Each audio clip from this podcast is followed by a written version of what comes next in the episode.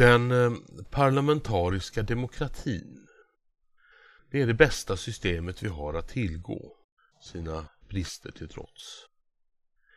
Men vi kan inte ta den för given. Ett av dess största problem, det är politikerna.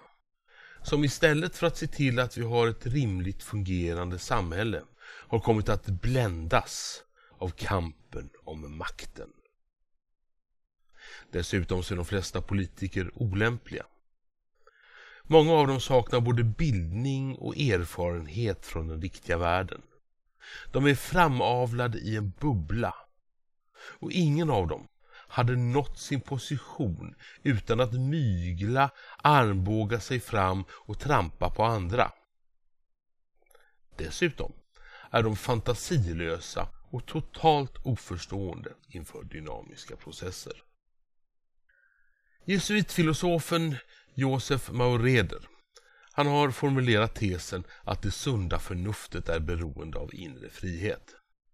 Alltså att det sunda förnuftet är beroende av inre frihet. Och vem kan väl ha mindre inre frihet än den som är uppfylld av att omforma samhället på ett visst förutbestämt sätt efter vissa fixa idéer. Dogmer och sunt förnuft går helt enkelt inte ihop. Maureder han, han utvecklar resonemanget.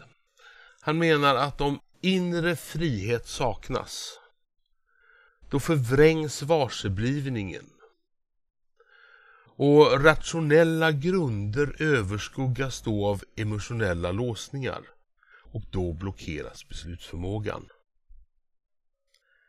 Applicerat på våra politiker så är den en ganska träffsäker observation. Dogmer och verkligheten går inte heller ihop. För verkligheten, den är som den är och den har sin egen spontana utveckling. En utveckling som bygger på erfarenhet, mångfald, frivillighet, samarbete och företagsamhet. På frihet helt enkelt. Men in i denna delikata process så, så kommer politikerna inklampande och petar.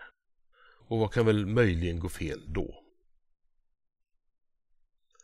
Maktens ovilja mot inlärning den beror på att politiker har fixa idéer.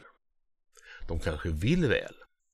Men att försöka tvinga alla in i en enhetlig ideologisk modell, det slutar aldrig väl. Det landar alltid i vissas överhöghet över andra. Andra som för sin del absolut inte vill leva i ett politiskt experiment. Varje gång politiken beslutar att något ska vara på ett visst sätt då utestängs ett oändligt antal alternativ. Även de alternativ som är bättre. Enklare hade kanske varit att låta spontan utveckling skapa ett antal olika alternativ bland vilka människor kan välja fritt efter eget huvud. Få saker är så förödande som politisk kontroll av utnämningsmakten. För även om självaste regeringsformen, alltså våra grundlagar, föreskriver att myndighetschefer skall tillsättas utifrån duglighet så är det ofta partibok som avgör. Vilket leder till att man sätter andra människor än de dugligaste till att leda verksamheten. Och då går det som det går. Politik, den, den handlar idag huvudsakligen om makt. Makt över andra, det är en beroendeframkallande drog. Det är som Sagan om ringen. I kampen om makten helgar ändamålen medlen. Och i skuggan av denna maktkamp så glömmer politikerna bort vad som är viktigt. Nämligen att se till att landet fungerar på ett rimligt sätt. Men så är det alltså inte, utan istället så kommer allmänintresset i andra hand efter makten.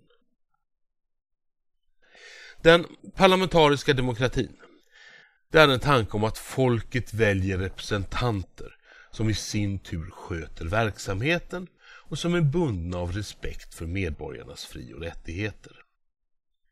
Tanken var aldrig att ge vissa total överhöghet över andra. Tanken var inte att reducera medborgarna till undersåtar. Demokrati, det är att fredligt leva tillsammans i en kompromiss. Och det förutsätter ödmjukhet, tolerans och behärskning.